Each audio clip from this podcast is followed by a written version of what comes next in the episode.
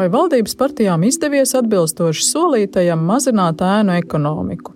Kā augušas algas un kā mainījušies nodokļi? Un kāpēc tā arī nav ieviests nekustamā īpašuma nodokļa neapliekamais minimums, ko solīja visas koalīcijas partijas?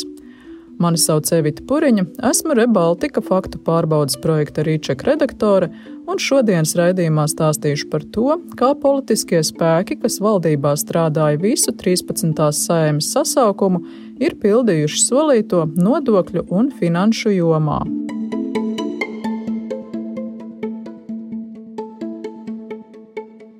Vispirms par algām un ēnu ekonomiku. Pirms vēlēšanām gan jaunā konservatīvā partija, gan attīstībai par teicās līdz 500 eiro celt minimālo algu un ar iedzīvotāju ienākuma nodokli neapliekamo minimumu. Šie solījumi ir izpildīti. Daudz diskusiju tolaik bija arī par ēnu ekonomiku.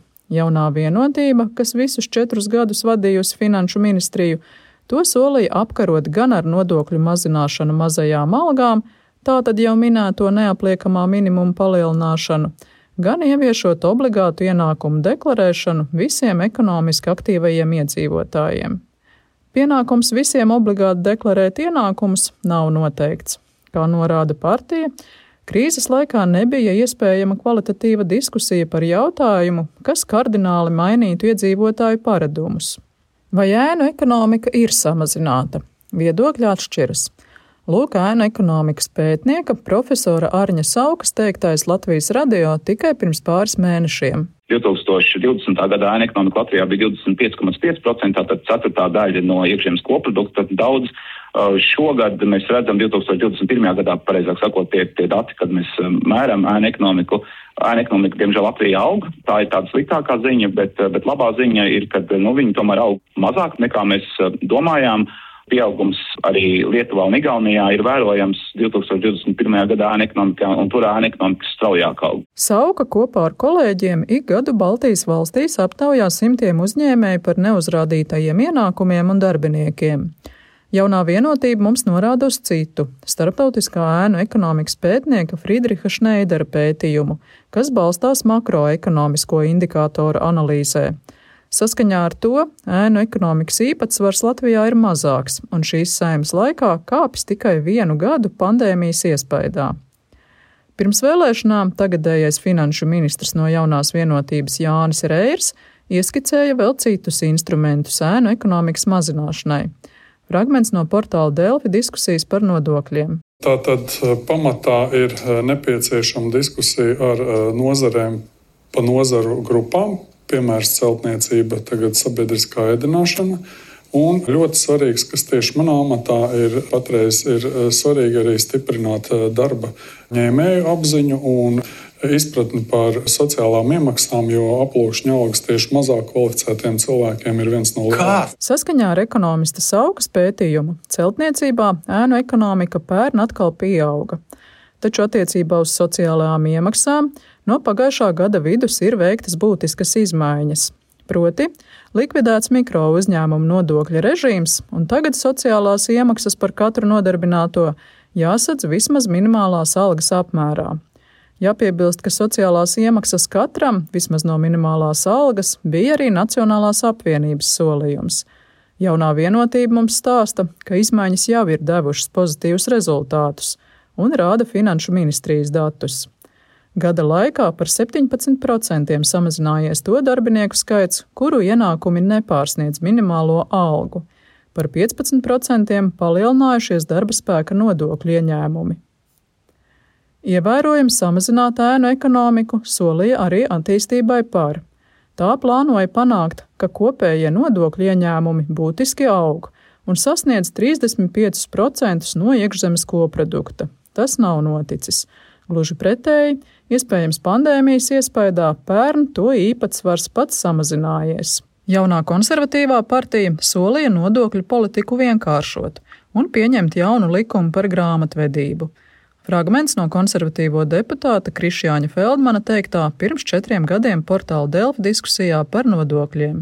Par kādu ēnu ekonomikas apkarošanu var runāt, ja es kā maģistra grāts ekonomikā un, un es esmu par grāmatu strādājis. Es šobrīd bez Excel palīdzības vairs nespēju izrēķināt, izmantot ministra kabineta noteikumus sev algu. Tas ir pateicoties nodokļu reformai, tātad regresīvais neapliekamais minimums, kas ir jāceļ pēc iespējas ātrāk. Jautāju Feldmanam tagad, vai nodokļu politiku ir izdevies vienkāršot? kā to ņem. Nē, nu, ir daudz lietas, protams, runājam kaut kādā diferencētā neapliekuma minimumu, un tas ir palicis nu, tāds, kāds viņš tika ievies 17. gadā. Arī viņš norāda uz alternatīvo režīmu likvidēšanu. Tādā ziņā ir vienkāršot, jo izvēles ir mazāk palikuši, jo tā doma bija, ka visi vienā brīdī tomēr iet tajā vienā režīmā strādā, un visi ir sociāli apdrošināti. Ja ir covid vai kas, tad dīkstāvi, tad normāli pabalsti. Jauns un modernāks likums par grāmatvedību ir pieņemts.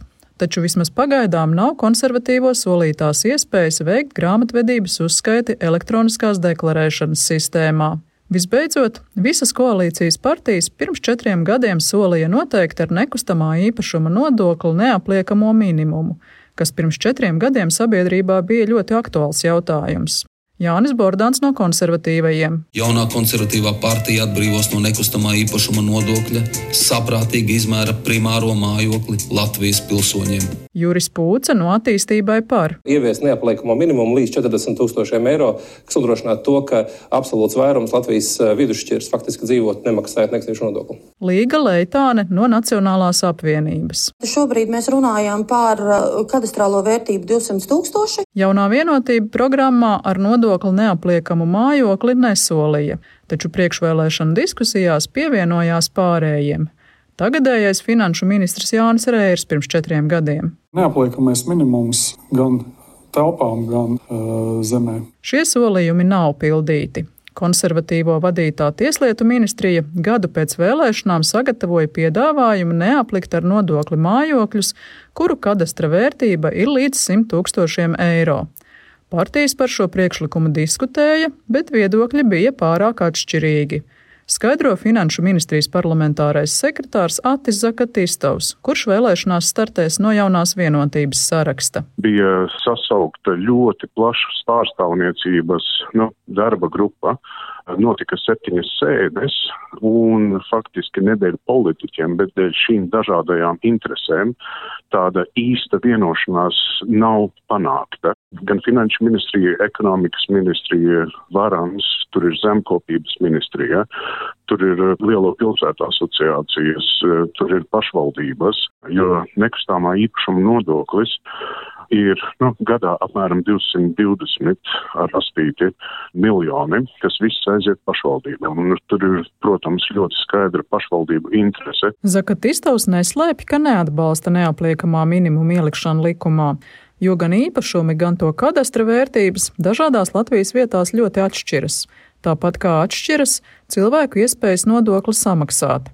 Iespēja piemērot atlaides un atvieglojums esot jāatstāja pašvaldībām, kas situāciju redz vislabāk.